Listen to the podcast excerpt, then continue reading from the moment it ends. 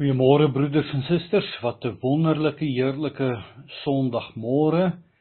En wat 'n voorreg om ook weer so saam te mag verkeer en te luister na die woord van die Here.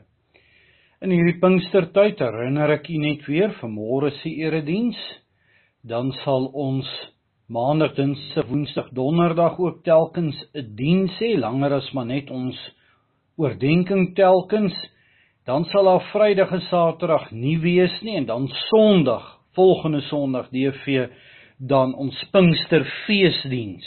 Daarna van daardie Maandag af sal ons dan weer met ons normale korter 9 tot 12 minute oordeenkings besig wees. Maar wat 'n voorreg dat ons vanmôre ook na die woord van die Here kan luister en ons glo en vertrou dat die Here ook ons samesyn op hierdie wyse sal ondernemings seën. In hierdie Pinksterdienste gaan ons so bietjie kyk na die werking van die Heilige Gees. En vanmôre voordat ons begin met die werking van die Heilige Gees, gaan ons eers 'n paar vrae wat daar bestaan met betrekking tot die Heilige Gees of sonde teen die Heilige Gees dan beantwoord. Kom ons raak dan nou 'n oombliekie stil voordat ons dan ook begin in die naam van die Here. Ons hulp is in die naam van die Here wat hemel en aarde gemaak het, wat trou bly tot in alle ewigheid en nooit laat vaar die werke van sy hande nie. Mag die genade, barmhartigheid en vrede van God ons Vader en ons Here Jesus Christus deur die kragvolle werking van die Heilige Gees nou met elkeen van ons wees. Geliefdes, ons gaan vanmôre lees uit die woord van die Here uit drie verskillende gedeeltetjies. Ons gaan lees uit Markus 3, dan ook Efesiërs 4 en dan ook Handelinge 5 sal telkens vir u die verse aankondig. Markus 3, Efesiërs 4 en ook Handelinge 5. Alles baie bekende gedeeltes. Kom ons begin dan deur saam te lees uit Markus 3 van vers 20 af. En hulle het in 'n huis gegaan en 'n skare het weer saamgekom sodat hulle selfs nie brood kon eet nie. Toe sy mense dit hoor, gaan hulle uit om hom in die hande te kry want hulle het gesê hy's buite sy sinne.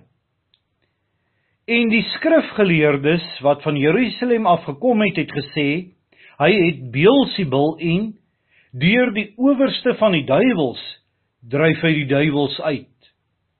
En hy het hulle na hom geroep en vir hulle deur gelykenisse gesê: Hoe kan die Satan die Satan uitdryf?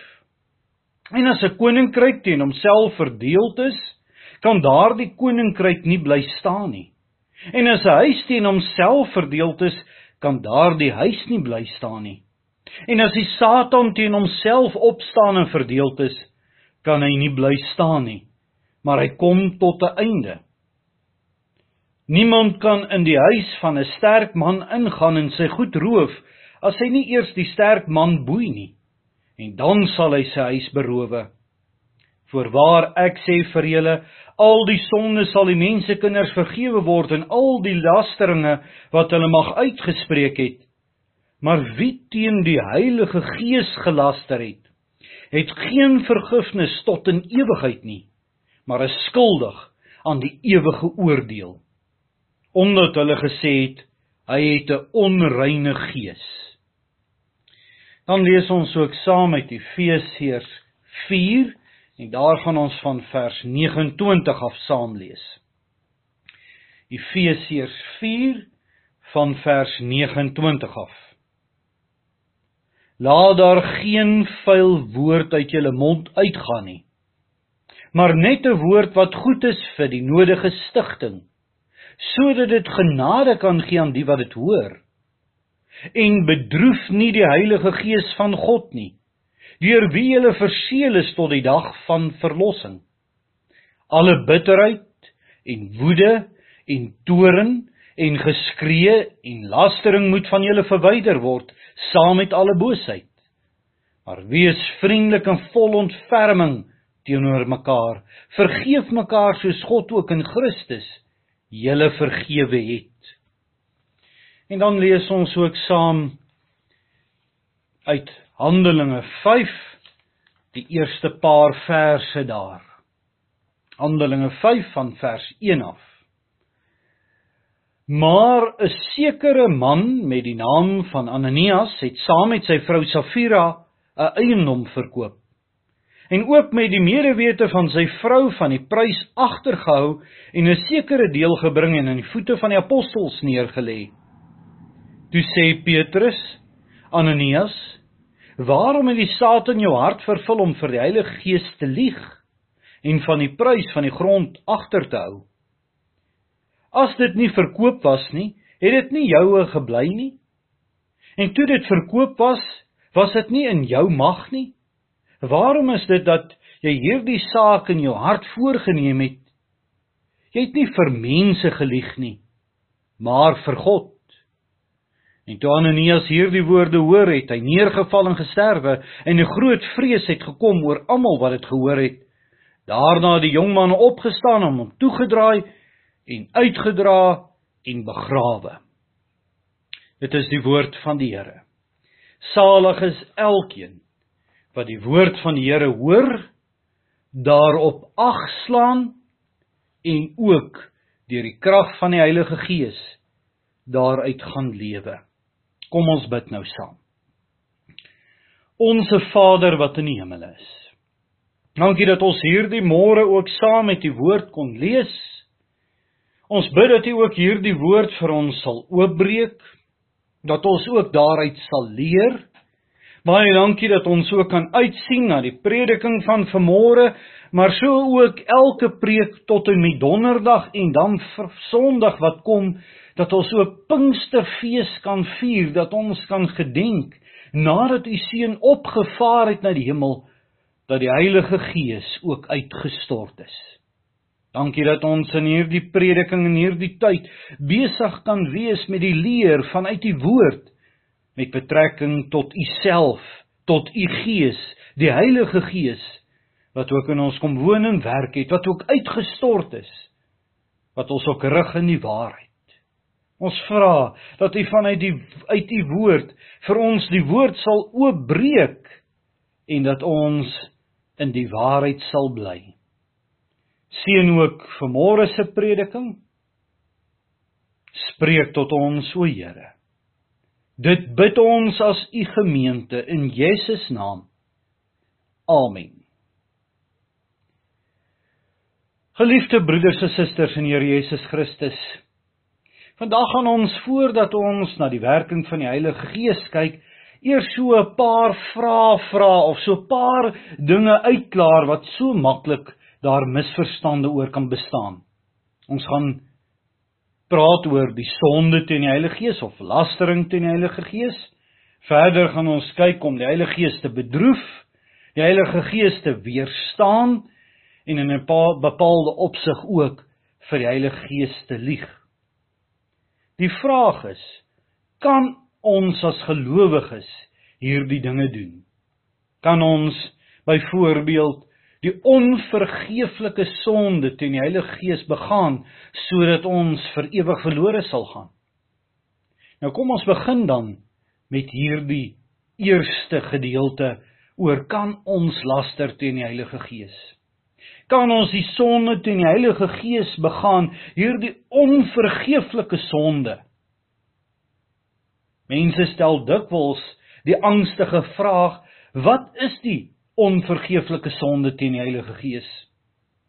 En wie die vraag stel, dink aan die antwoord wat Jesus hier in ons geleesde gedeelte gegee het. Hier staan voorwaar ek sê vir julle, al die sondes sal die mense kinders vergewe word, maar wie teen die Heilige Gees gelaster het, het geen vergifnis tot in ewigheid nie, maar is skuldig aan die ewige oordeel. Die duidelikste antwoord op die vraag wat die sonde teen die Heilige Gees dan is, is dat dit gepleeg word wanneer iemand teen sy beter wete, let wel, teen sy beter wete, met ander woorde, baie goed bewus is van wat hy doen, die werk van God as duiwelswerk bestempel. Dit is presies wat die Fariseërs in hierdie geval in Markus 3 gedoen het. Jesus, as ons die ooreenkomstige gedeeltes uit die ander evangelies lees, het 'n geestelik versteurde mens weer tot sy sinne gebring deur goddelike krag. Die Fariseërs maak dit af dat deur die krag van Beelzebul, die owerste van die duiwels, die Here Jesus die duiwel uitgedryf het. Met ander woorde, hulle bestempel die werk van die Here Jesus as duiwelskuns of tower tower towery. Vir elke helder sienende persoon wat daar teenwoordig was, moes dit egter baie duidelik glashelder gewees het dat dit die Heilige Gees was wat hierdie jong man genees het wie nou teen sy beter wete en moedswillig en aanhoudend die werk van God as die van die Satan bestempel laster teen die Heilige Gees. Geliefdes, as ons maar die evangelies fyn kan, as ons dit mooi bestudeer en 'n bietjie gaan deurlees, dan sien ons dat die Fariseërs dikwels hierdie tipe sonde gepleeg het. Dikwels het hulle willens en wetens in opstand teen Christus gekom en self sy werk soos in hierdie geval aan die duiwel toegeskryf. In Markus 8 lees ons dat die Fariseërs Jesus versoek het om aan hulle teken uit die hemel te gee. Na alles wat hy gedoen het, na al die prediking en al die wonderlike genesings, versoek hulle nog steeds die Here Jesus dat hy vir hulle teken moes gee. Dit is toe dat Jesus die disippels teen die suurdeeg van die fariseërs gewaarsku het. In Markus 10 lees ons dat die fariseërs Jesus versoek het met die vraag oor egskeiding. U kan dit gerus gaan lees. En daar staan pertinent dat hulle die Here Jesus versoek het. In Markus 11 vers 17 en 18 staan daar en hy het geleer en vir hulle gesê: "Is daar nie geskrywe: My huis moet 'n huis van gebed genoem word vir die nasies nie. Maar julle het dit 'n rowerspilonk gemaak. En die skrifgeleerdes en die owerpriesters het dit gehoor en gesoek hulle om kan ombring want hulle was bang, bang vir hom omdat die hele skare verslaaf was oor sy leer. Hier lê 'n geweldige stuk ironie in. Die skrifgeleerdes die owerpriesters nadat hulle die lering van die Here Jesus gehoor het en dat hy ook aangespreek het oor dit wat daar in die tempel gebeur en die Here Jesus gesê dit moet 'n huis van gebed wees nie 'n reël rowerspelonk wees nie het hulle bang geword en was hulle in opstand teen die leer van die Here Jesus net die ironie lê daarin dat hulle juis die skrifgeleerdes was dat hulle juis die was wat die Ou Testament bestudeer het en geken het en vir die volk dit geleer het. Dat dit juis hulle was wat die suiwere leer van die Here Jesus moes erken het en vanuit die Ou Testament het eh, vanuit die Ou Testament ook hom moes kan erken het as die ware Messias, die een wat sou kom wat die verlosser sou wees. Tog lees ons dat hulle hom om die lewe wou bring. U sien vir hulle het dit nie gegaan oor die suiwere suiwere leer nie.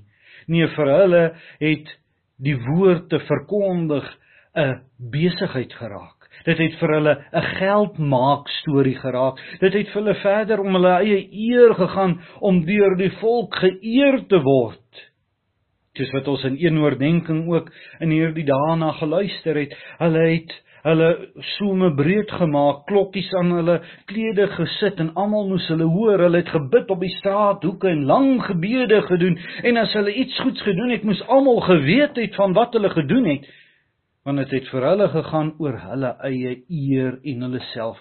En nou kom die Here Jesus. Nou kom hy oor wie die hele leer en die hele Ou Testament handel en hy begin meer aandag van die volk te ontvang as hulle. En daarom wou hulle hom om die lewe bring. So kan ons aangaan met voorbeelde hoe die fariseërs wat ook skrifgeleerdes was willens en wetens bly volhardheid teen God in opstand gekom het. Miskien nog twee laaste voorbeelde. Ons almal ken baie goed hoe die Here Jesus voor die Joodse raad, dit was uit 'n groot deel Fariseërs, skrifgeleerdes bestaan het, gedaag was en hy toe nou vals beskuldig was en hulle valse getuienis ingeroep het want hulle kon niks teen sy leer fout vind nie. Hulle kon niks vind waar die Here Jesus sê wat ons stryd met die Ou Testament was nie. Soveel so dat hulle valse getuienis bymekaar gemaak het om van die Here Jesus te probeer ontslae te geraak het. Nadat hy bely het dat hy die Christus is, skeer die hoëpriester sy klere vir die skyn. In elk geval leer in die Ou Testament dat geen priester sy klere mag skeer nie.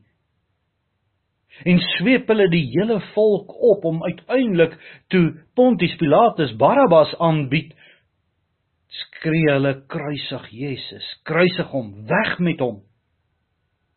Dalk nog 'n duideliker voorbeeld toe die Fariseërs en hierdie skrifgeleerdes in opstand teen die werking van God gekom het, is nadat die Here Jesus uit die dood uit opgestaan het. Toe die soldate kom getuig het dat hy waarlik uit die dood uit opgestaan het, het hulle die soldate 'n groot som geld aangebied en het hulle vir die soldate gesê dat hulle vir die volk moes sê dat sy disippels gekom en sy lijk in die nag kom steel het. Dit is die sonde teen die Heilige Gees. Om voortdurend die werk van God doelbewus te staan. En broeders en susters, vir die sonde is daar geen vergifnis nie. Mense wat so sondig verwerp God.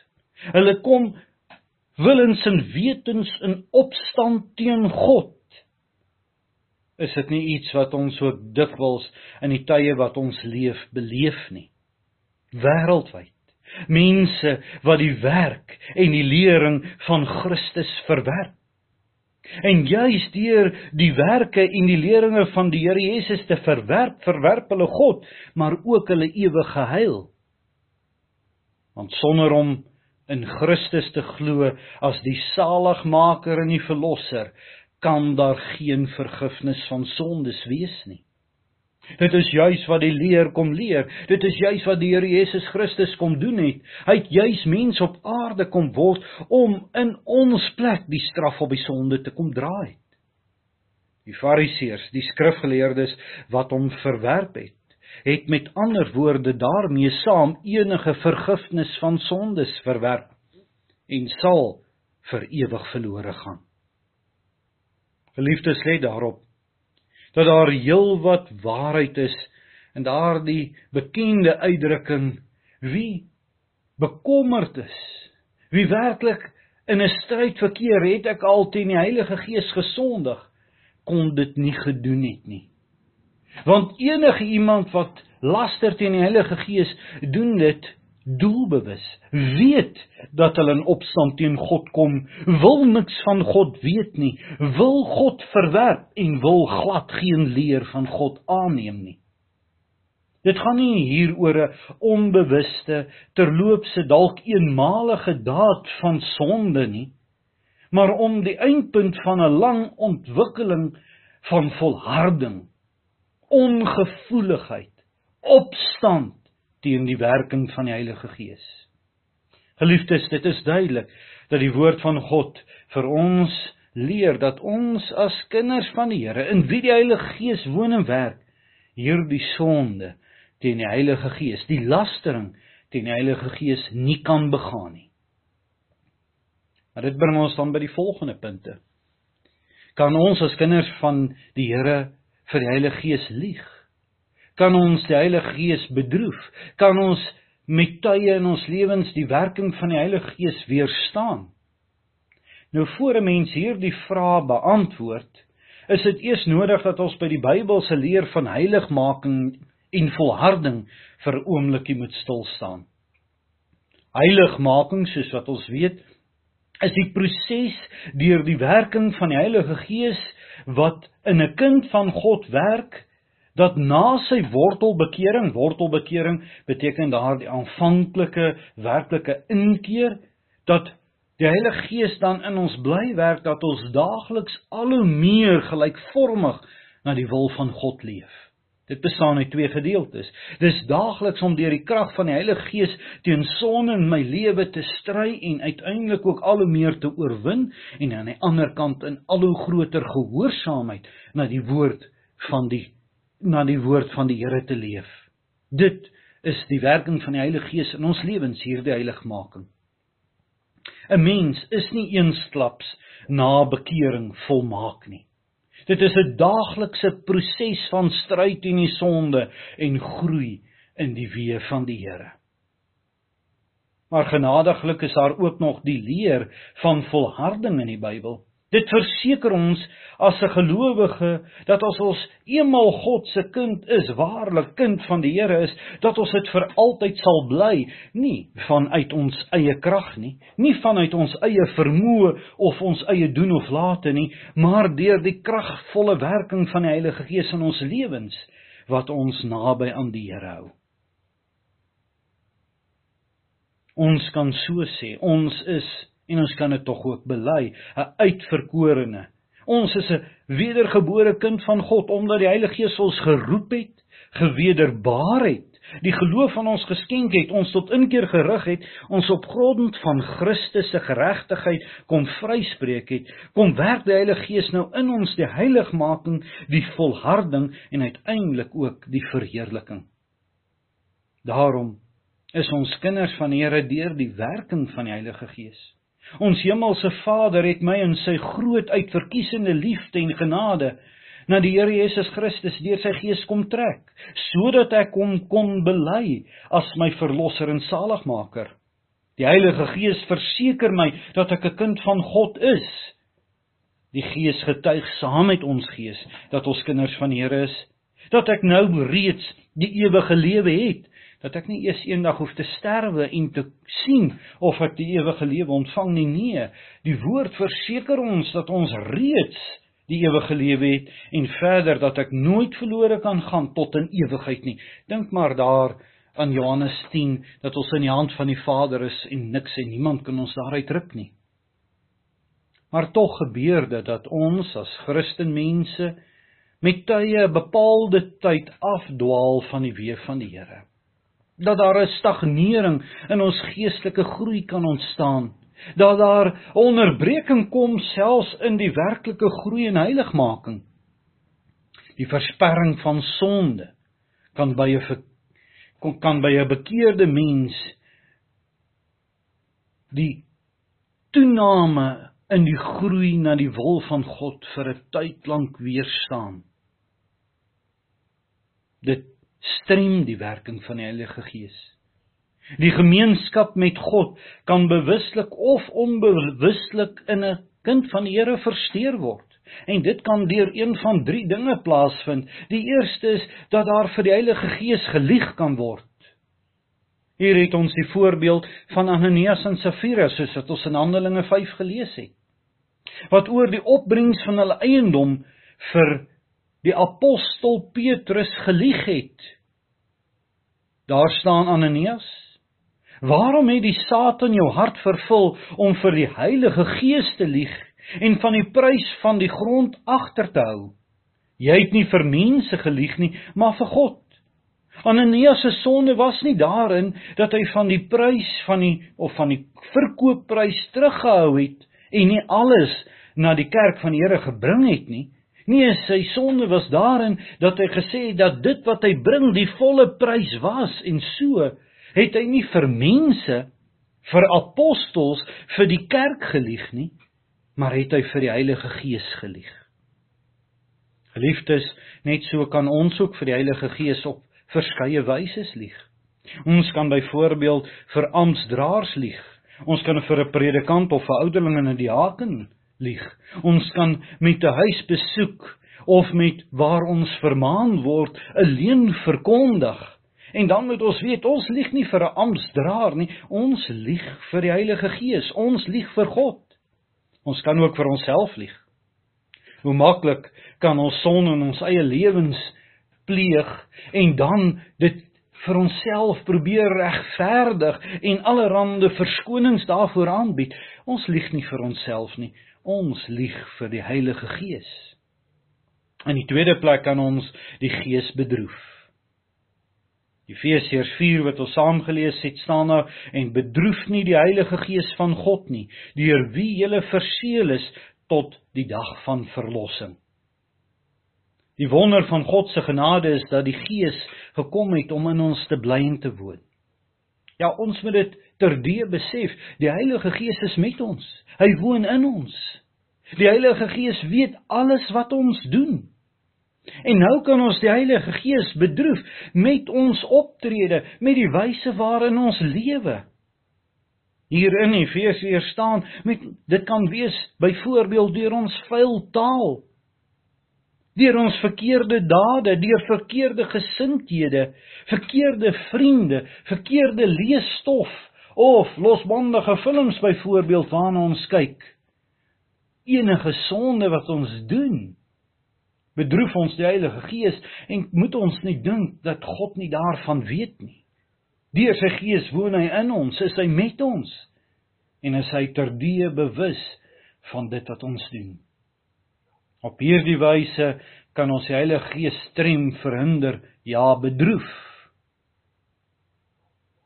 In 'n derde plek kan ons die Heilige Gees weerstaan. Dit is waar sonde van versuim plaasvind. Nie so seer deur sonde wat ons doen nie, maar juis deur dit wat ons nie doen nie.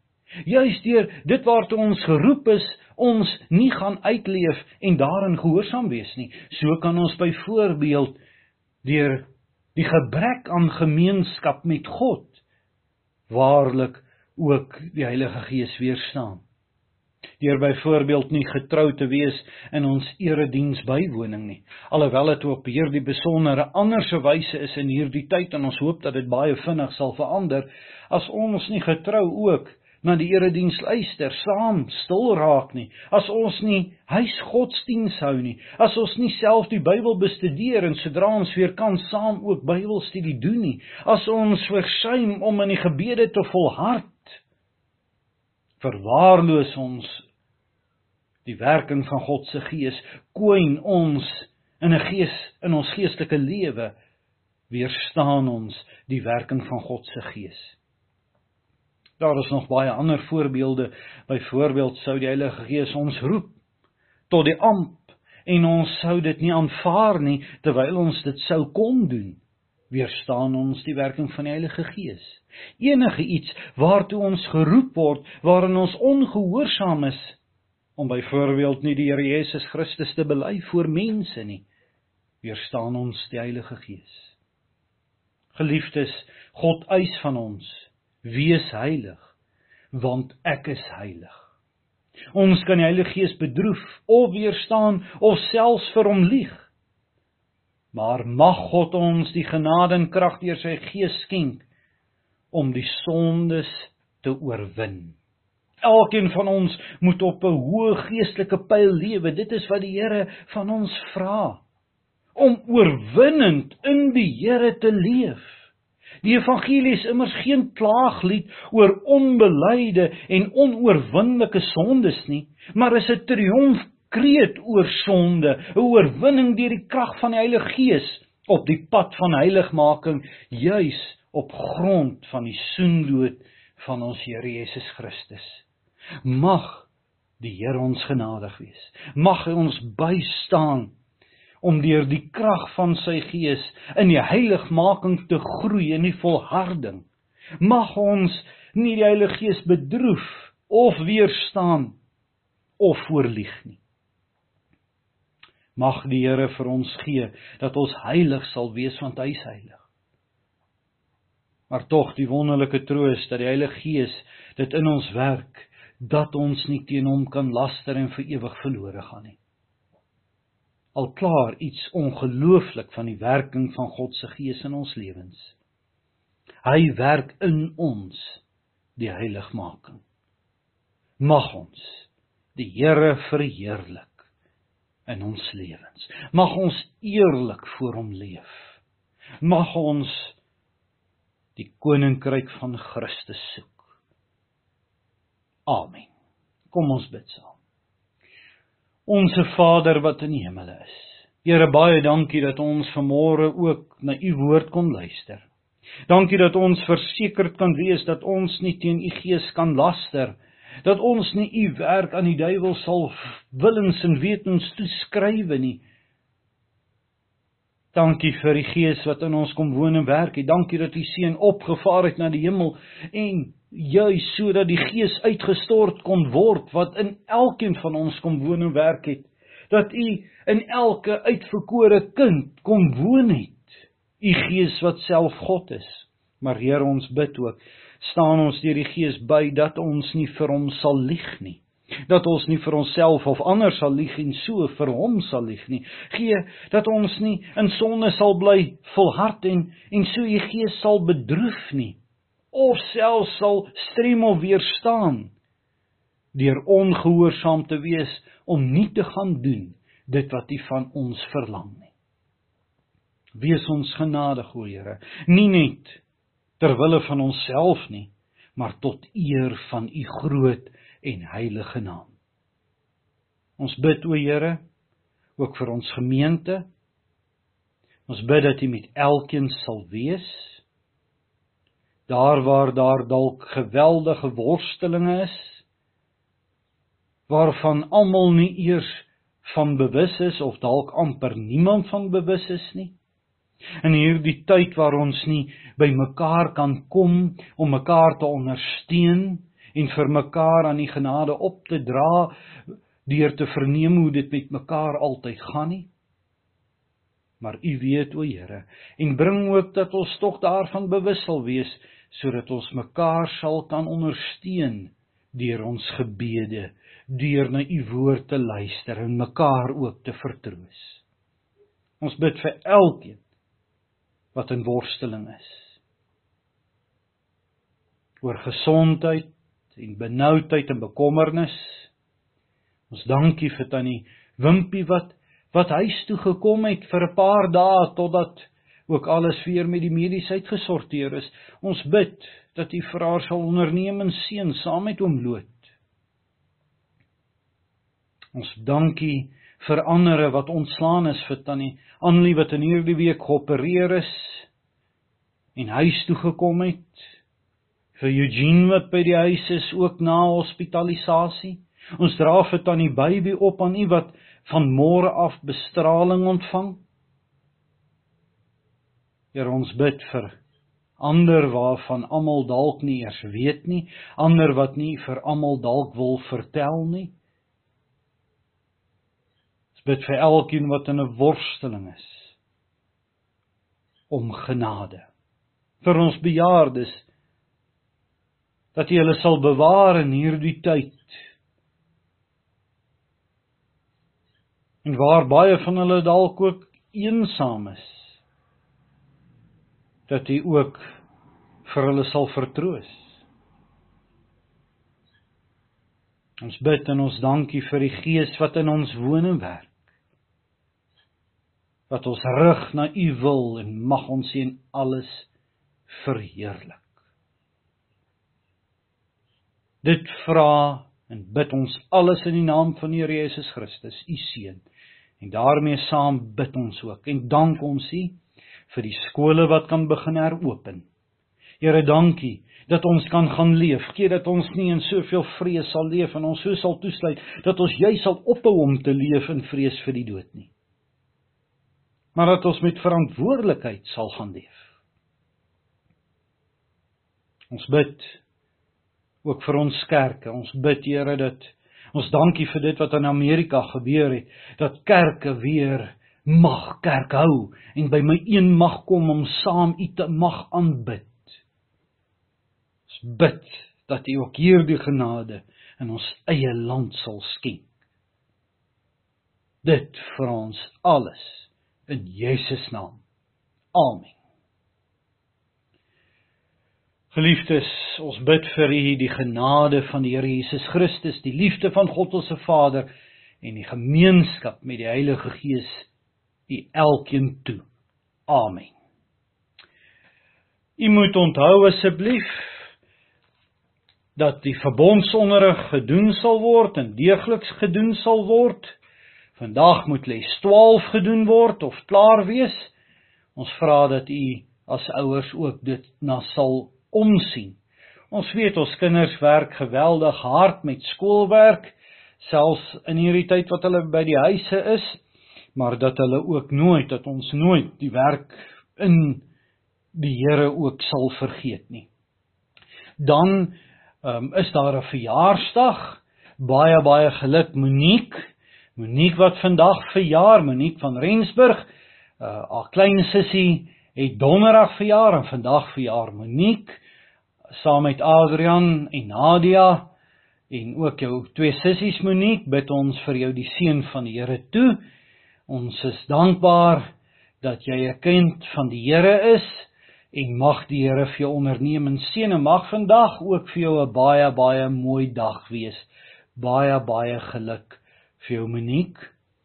En dan sal daar dan nou ook erediens of preke uitgesaai word van maandag tot donderdag en dan sonderdag dan ons Pinksterdiens. Daarna sal ons gewone korter oordeenkings weer in aanvang neem. Ons bid vir die almal 'n geseënde dag toe. Indien daar ook krisis is, ek het 'n permit dat ek by krisisgevalle besoek mag gaan aflê. Laat weet my asseblief sodat ek ook by u kan uitkom. 'n Geseënde dag aan elkeen. Totsiens.